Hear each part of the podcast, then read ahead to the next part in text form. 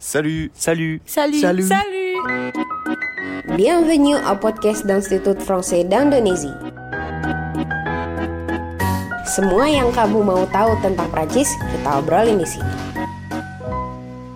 Salu, kembali lagi nih di podcast Salu bersama aku. Mungkin teman-teman belum kenal ya. Halo, salam kenal semuanya teman-teman. Aku Deliana di sini akan menggantikan Kak Azizi dan Mbak Melan sementara di bincang-bincang kita kali ini di podcast Salu bersama narasumber yang akan aku ajak nih kenalan lebih dalam eh, seputar Prancis. Nah, kita akan ngomongin apa sih di episode Salu kali ini?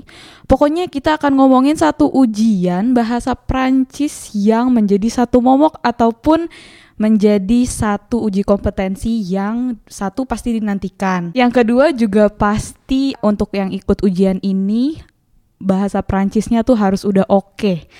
Apalagi kalau teman-teman yang udah bisa bahasa Prancis sudah nggak asing ya namanya ujian Delft.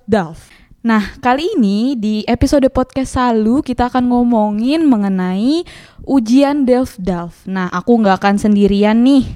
Aku akan ditemenin sama salah satu narasumber kita yang super kece. Ahlinya Waduh, dari waduh, ahli dan juga suhunya dari suhu dari Delft Delft. Ya. Aku akan ditemenin sama Kak Roni. Halo, halo, halo, halo Deli. Agak Halo. berlebihan deh kayaknya kalau suhu ya kayaknya. yang paling paham nih tentang Delft Delft. Nah pastinya teman-teman yang bisa bahasa Prancis dan juga udah menanti-nantikan ujian Delft Delft, pengen tahu banget eh, mengenai ujian Delft, dengerin terus podcast kita kali ini. Tapi Kak Roni, tak kenal maka tak sayang. Boleh dong Kak, kenalin diri dulu sama teman-teman podcast selalu kita. Oke, perkenalkan namaku Roni. Eh, panggilannya Roni, tapi sebenarnya nama nama sebenarnya adalah Nama Syukron Ramdhani. Jadi kalau misalnya men- eh, dapat email dari Syukron Ramdhani, ya itu Roni juga sama. Hmm, yang ini ya teman-teman. Tapi kita di podcast sih, jadi nggak bisa ngelihat Kak Roni yang mana. Ada ada ada di website IVI kan ada, Ah, di ada bagian ya. perkenalannya. Oke siap bisa dilihat ya teman-teman. Nah itu dia Karoni yang akan jadi narasumber kita hari ini. Nah tanpa banyak berbahasa basi asik langsung kita eh, bahas ya kak. Pertama Karoni boleh nggak sih eh, da- mungkin teman-teman udah tahu tapi juga pendengar podcast selalu kan datang dari mana aja. Boleh nggak sih kak jelasin secara gamblang apa sih ujian Delft Delft?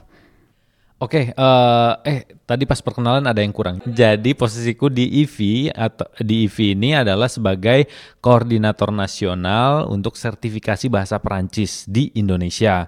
Bersama satu kolega namanya Nadia, kami sama-sama mengkoordinir seluruh sertifikasi bahasa Perancis. Jadi ada yang nanti kita akan bicarakan Delft, ada juga ujian lain seperti TCF, TEF dan juga DAIFLE. Ada juga nanti ujian lain eh, tapi tidak dilaksanakan di IV gitu. Tapi semuanya masih dalam koordinasi IV, IV dan CNC. Kalau kami namanya dari Centre National de Certification atau CNC.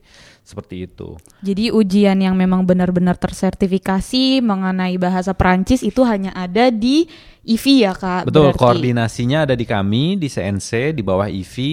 eh, tapi ya untuk pelaksanaannya eh, ada juga di Alliance Française. Alliance Française ada di beberapa kota, ada di Semarang, Medan, Medan, dan Bali. Bali. Lalu akan ada juga nanti di Makassar. Lalu juga ada di beberapa institusi partner juga ada. Nah, jadi banyak ya, nggak cuma di Jakarta. Oke kak, balik lagi ke pertanyaan pertama kita. Apa sih ujian Delft itu dan Delft ini apakah dia dua terpisah atau gimana kak? Oke, jadi Delft dan DALF itu, nah satu-satu dulu ya. Delft itu Diplôme d'études en langue française. Itu adalah diplom atau sertifikasi eh, pembelajaran bahasa Perancis. Jadi ini adalah sertifikasi pembuktian bahwa seorang itu sudah pernah belajar bahasa Perancis. Nah, ini untuk tingkat A1 A2 yang merupakan tingkat dasar, lalu eh, B1, B2 tingkat madya atau menengah, lalu tingkat lanjutnya, tingkat lanjutnya itu dilanjutkan di DALF. DALF adalah Diplôme approfondi de la langue française. Kalau yang tadi diplôme d'études, di, uh, sertifikasi bahwa sudah belajar. Kalau ini adalah sertifikasi bahwa dia sudah berbahasa Perancis tapi lebih mendalam, approfondi kan.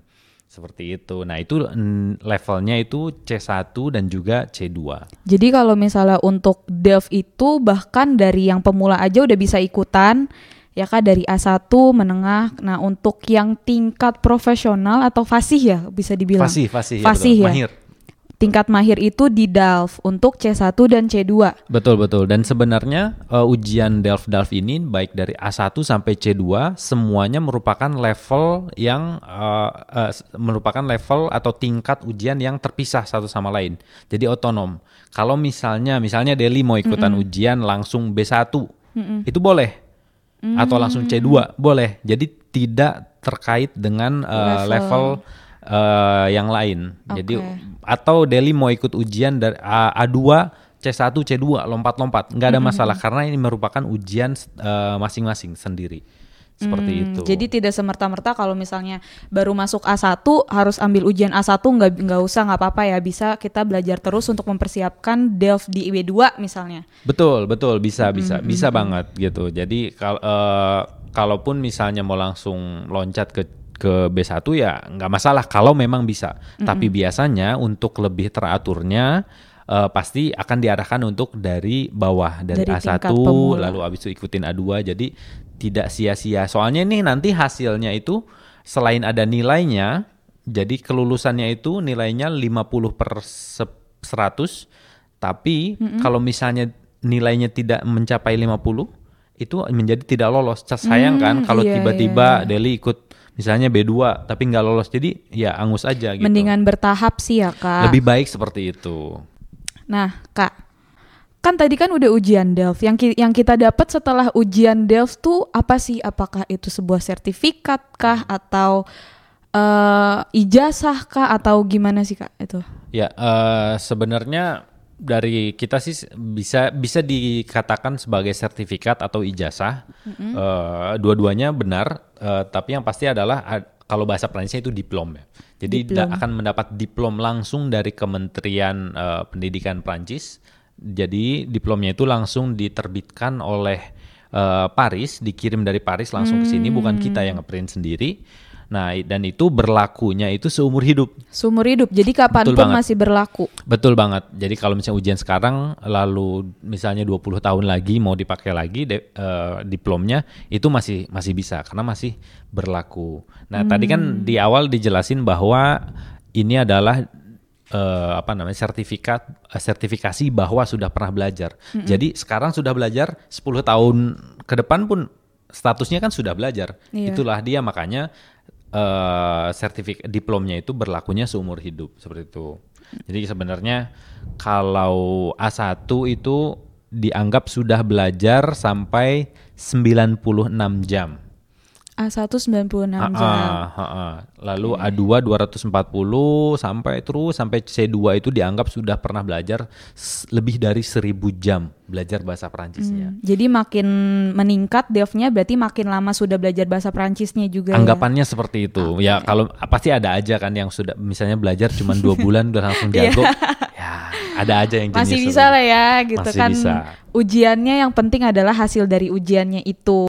Nah kak sekarang kan zamannya kan apa apa serba online nih, mm -hmm. gitu kan. Tadi selain di kota-kota yang udah disebutin, IV dan juga AF, kalau ada teman-teman yang mau ikut ujian DELF-DELF tapi nggak ada nih IV dan AF di kotanya, apakah ujian DELF-DELF itu bisa diselenggarakan online ataukah tidak bisa?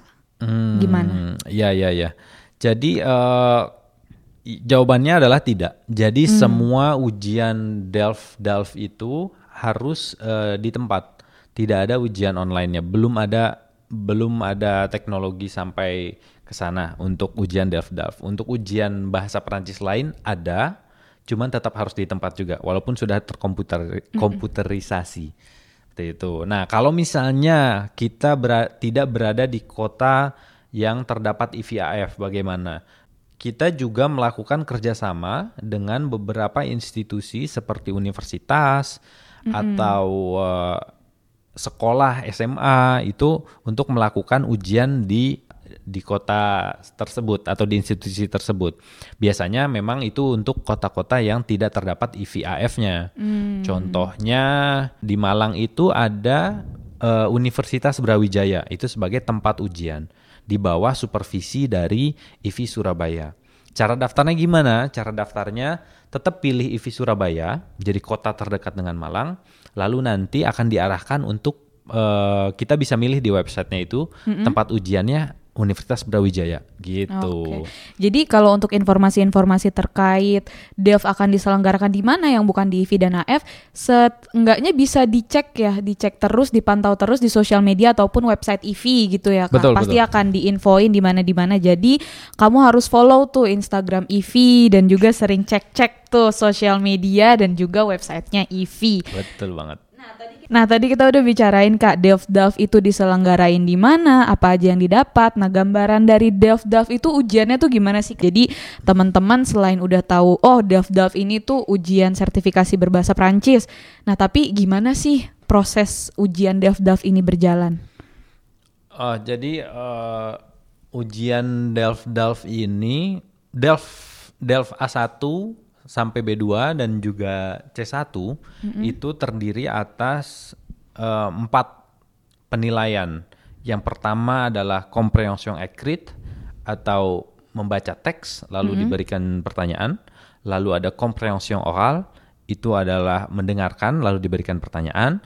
Lalu ada production écrite itu adalah menulis.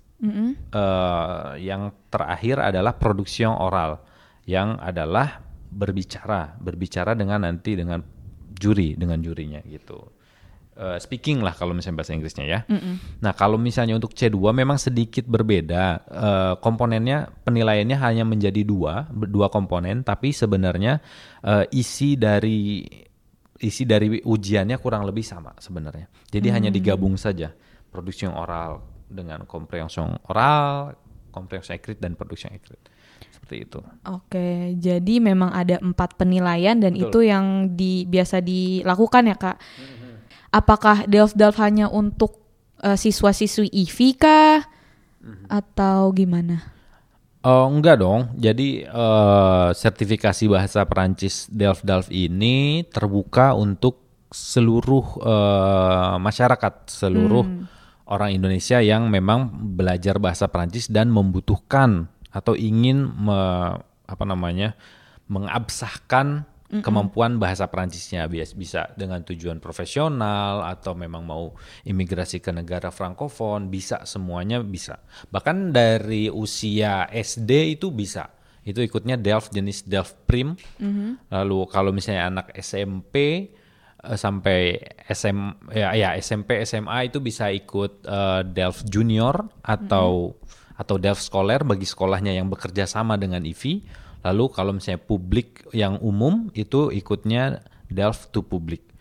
Nah eh, di Indonesia sendiri sejak pertama kali adanya format baru Delft di tahun 2005 itu sudah ada lebih dari 40 ribu orang yang 40.000. sudah mensertifikasikan kemampuan bahasa Perancisnya Sejak 2005. sejak 2005. Wah, Sebelumnya udah lama banget ya kak. Bener banget. Sebelum sebelum 2005 juga sebenarnya ada. Nah, untuk generasi yang sebelumnya itu namanya Ancien Delft. Jadi versi Delft dengan format yang lama itu sudah ada juga. Cuman memang pendataannya belum serapih yang sejak Sekarang. 2005.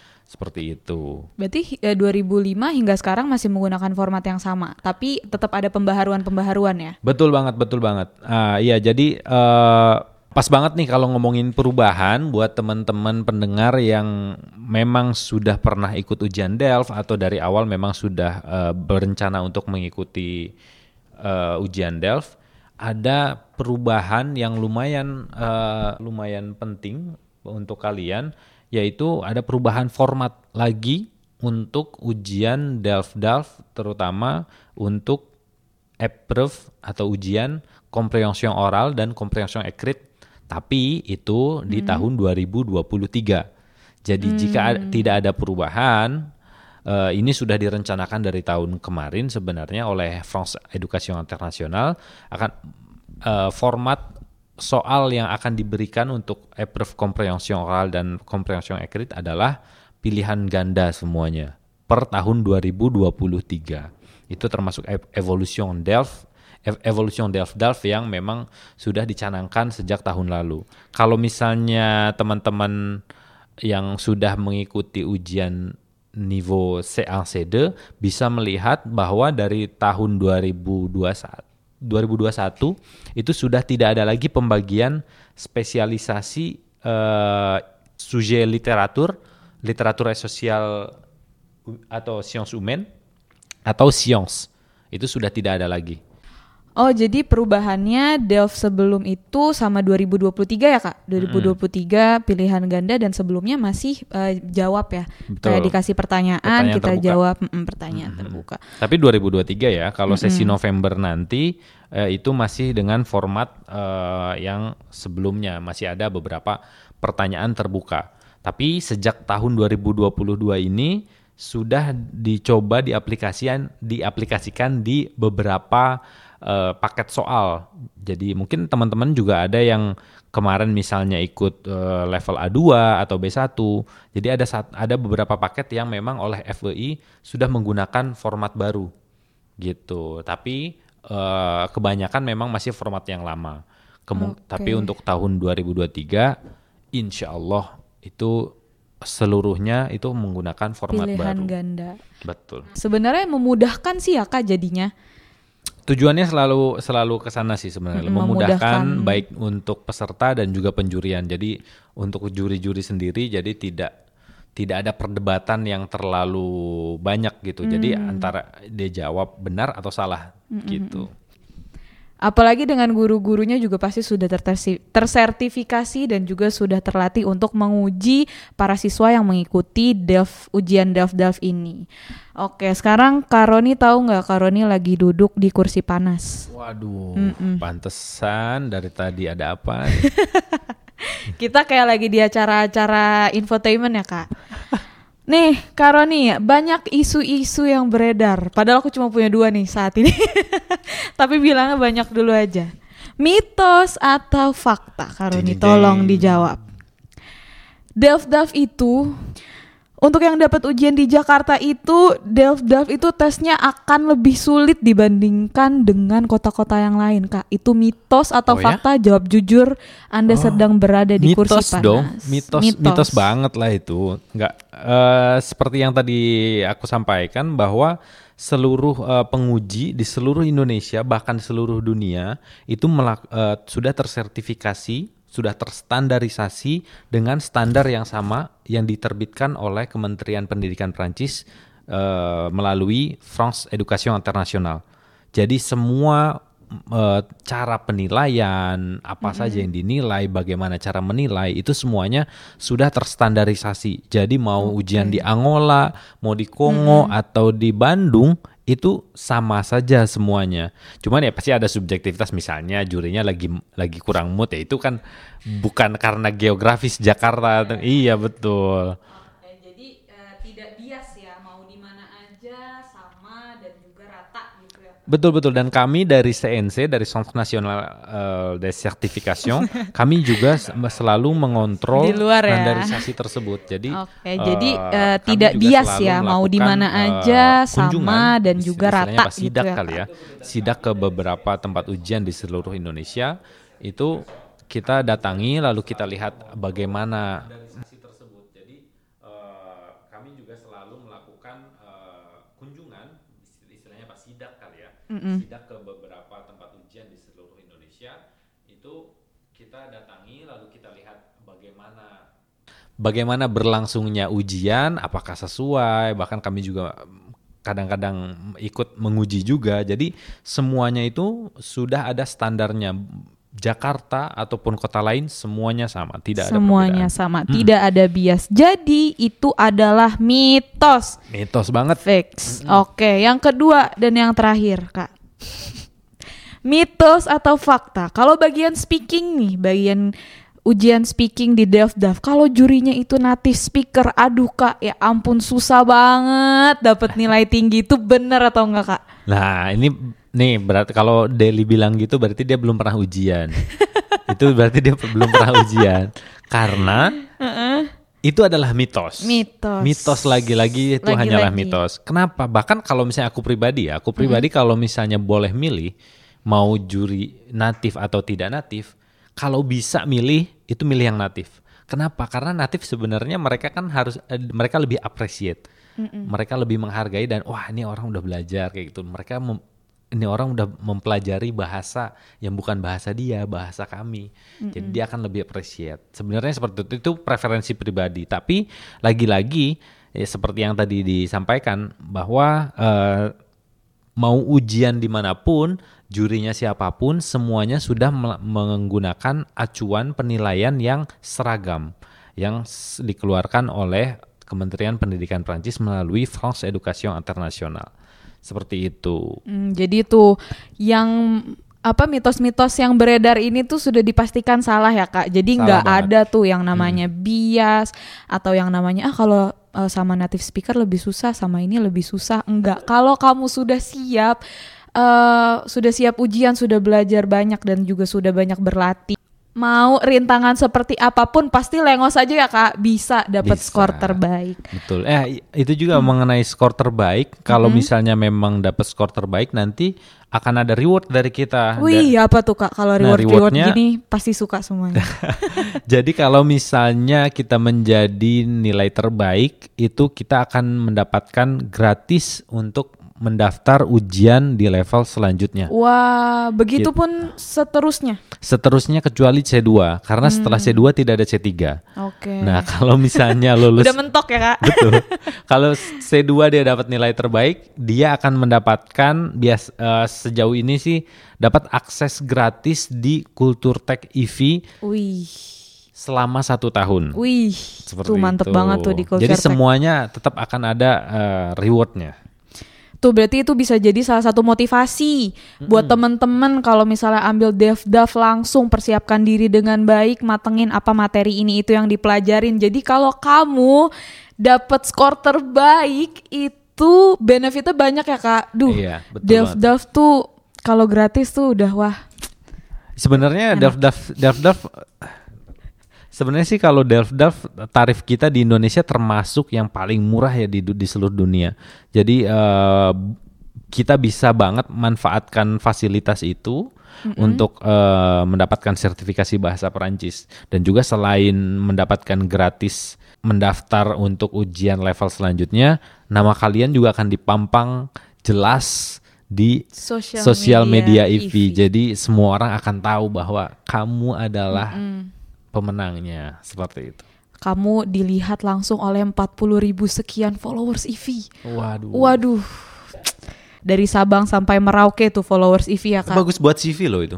Bagus buat CV. Apalagi apalagi kalau kamu mau apply untuk eh, perusahaan-perusahaan di Prancis ya kak atau memang ingin eh, berkarir di Prancis ataupun negara-negara negara frankofoni. Betul. Selain itu juga kalau kalau ingin melanjutkan studi ke Prancis itu akan atau bekerja di di perusahaan-perusahaan multinasional fakta bahwa kita mempunyai kemampuan bahasa asing selain bahasa Inggris itu akan menjadi nilai yang sangat eh, dipertimbangkan gitu. Jadi akan menjadi nilai plus yang sangat dipertimbangkan. Karena kan kalau bahasa Inggris ba- sudah banyak ya, banyak hampir semua orang bisa bahasa Inggris dan karena sudah ada di mana-mana tapi pada saat kita mempunyai value lebih yaitu di bahasa Perancis yang katanya sulit itu pasti akan menjadi nilai plus buat kamu buat di CV seperti itu. Oke, Kak, mau info dong. Kalau misalnya untuk ikut Delf-Delf, itu ujiannya tuh tiap kapan sih, Kak? Harus persiapkan diri tiap bulan apa? Ah, untuk eh, sesi ujiannya sendiri di Indonesia kita menyelenggarakan tiga kali, ada tiga sesi Deli. Jadi untuk yang pertama itu dari awal tahun ada di bulan Maret eh, sesi ujiannya, Ya, pendaftarannya kurang lebih di sekitar bulan Januari. Lalu di sesi Juni itu pendaftarannya di April, lalu sesi November itu pendaftarannya kurang lebih di September. Tapi untuk pastinya lagi, untuk pasti tanggalnya bisa lihat langsung di website IV bagian sertifikasi seperti itu. Oke, ada tiga sesi ya, Kak. Mm-mm. Nah, untuk yang sebentar lagi nih akan ada sesi November. Jadi buat teman-teman yang uh, sudah ancang-ancang atau baru kepikiran nih bisa disiapin dari sekarang nih untuk uh, daftar ujian di sesi November. Nah itu dia ya teman-teman kita sudah kupas tuntas semua tentang Delf Delf pada episode podcast Salu kali, kali ini bersama Karoni mm-hmm. di sini. Nah pokoknya setiap Maret, Juni dan November ya kak. Betul banget. Betul Maret, banget. Juni dan November teman-teman semua yang udah kepikiran, yang udah pengen banget nih ikut Delf Delf, siapin diri kalian mulai ancang-ancang ya karena itu adalah bulan-bulan ujiannya Delf Delf. Nah, Ivi juga biasanya adain kelas prepa yang tadi kita udah udah obrolin bareng ya Kak untuk mempersiapkan kamu menaklukkan ujian Delft. Nah, Karoni sama teman-teman podcast selalu semua kita udah sampai nih di akhir podcast podcast. Wah, nggak berasa ya. Nggak berasa ya. Makasih banyak Karoni udah nemenin kita, udah kasih info juga ke teman-teman podcast Salu tentang ujian Delf-Delf ini dan juga untuk teman-teman yang mau kasih kritik atau saran bisa langsung aja nih DM ke Instagram Ivi di @ivi_indonesia dan pantengin terus ya sosial media Ivi untuk tahu informasi terupdate seputar Prancis lainnya. Sampai ketemu di episode podcast Salu lainnya. Salut. Salut.